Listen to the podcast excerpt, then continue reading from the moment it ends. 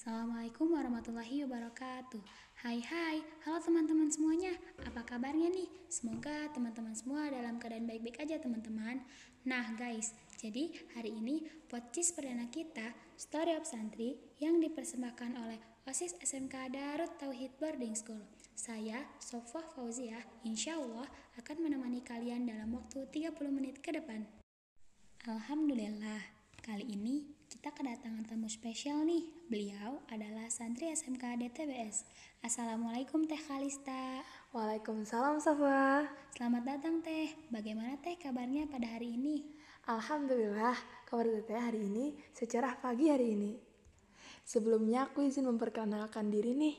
Nama aku Kalista Zakira Olin. Aku dari kelas 11B, jurusan Akuntansi dan Keuangan Lembaga. Pada kali ini, alhamdulillahnya nih, aku diundang oleh OSIS SMK Darut Tauhid Boarding School untuk menjadi guest star di podcast hari ini.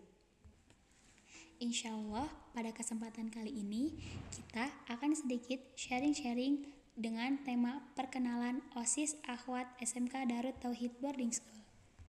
Langsung aja nih, kita masuk ke acara intinya, tapi sebelum itu mari kita membaca basmalah dulu agar acara ini berjalan dengan lancar. Bismillahirrahmanirrahim. Oke, sebelumnya aku ada beberapa pertanyaan nih Teh untuk Teteh. Semoga Teteh bersedia untuk menjawabnya ya Teh. Siap, mangga Safa. Oke Teh, untuk pertanyaan yang pertama, mau tanya nih, Kabinet OSIS Ahwat periode baru ini apa nih Teh namanya? Untuk nama Kabinet OSIS Akhwat sendiri, pada periode 2021-2022 ini, kita mengambil nama FASCO.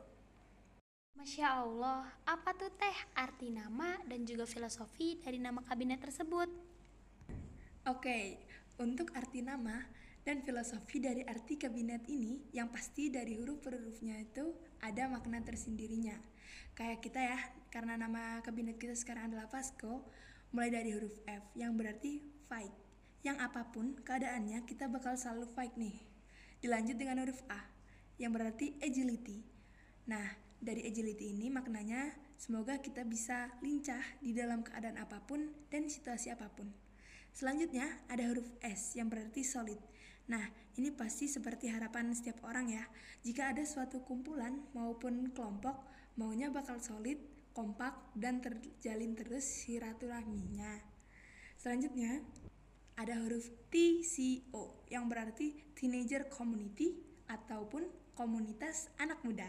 Nah, intinya makna dari kabinet FATSCO semoga bisa jadi kabinet yang selalu fight apa pun keadaannya, lalu bakal solid, selalu lincah dalam keadaan dan situasi apa pun, dan selalu berpengaruh positif bagi masyarakat sekitar karena nama adalah doa.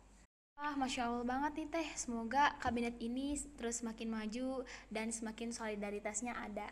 Um, seperti namanya Vesco.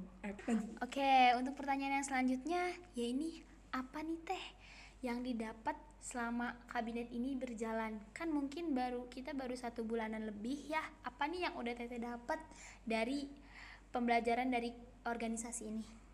Nah, sekarang kalau kita membicarakan tentang apa yang aku dapat selama ada di organisasi ini, tentunya banyak banget. Walaupun organisasi ini masih terbilang baru, ya nggak sih Sof?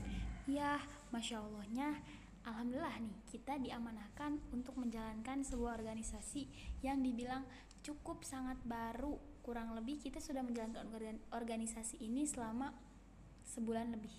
Nah, sebulan lebih nih, terbilang baru bukan? Tapi di sini kita dapat banyak sekali pengalaman. Pengalaman itu sangat berharga, mulai dari pengalaman menjadi panitia sebuah acara nih.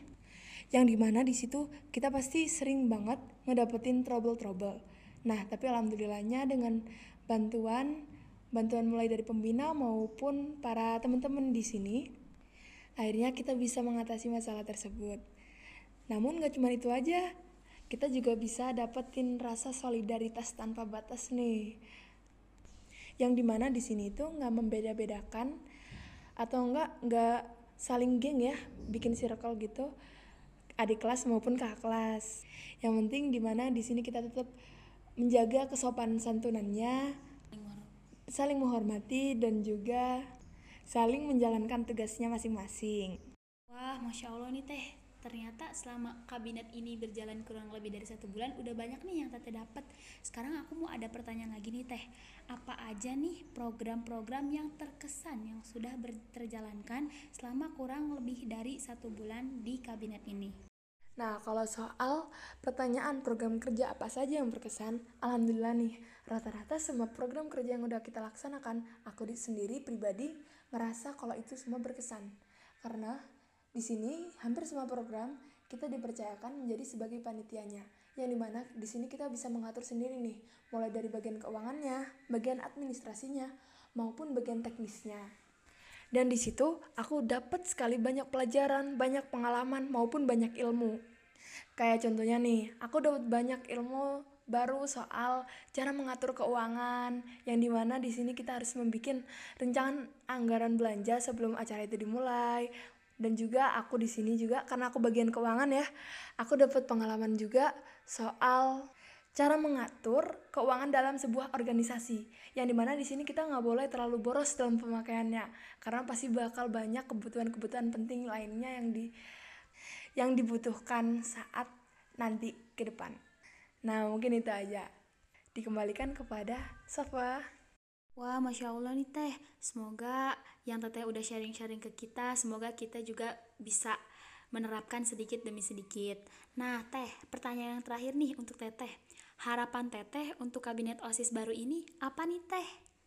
Nah, kalau untuk harapan Alin, di kabinet ini semoga nih ke depannya lebih ditingkatkan lagi 3K-nya. Apa sih 3K itu?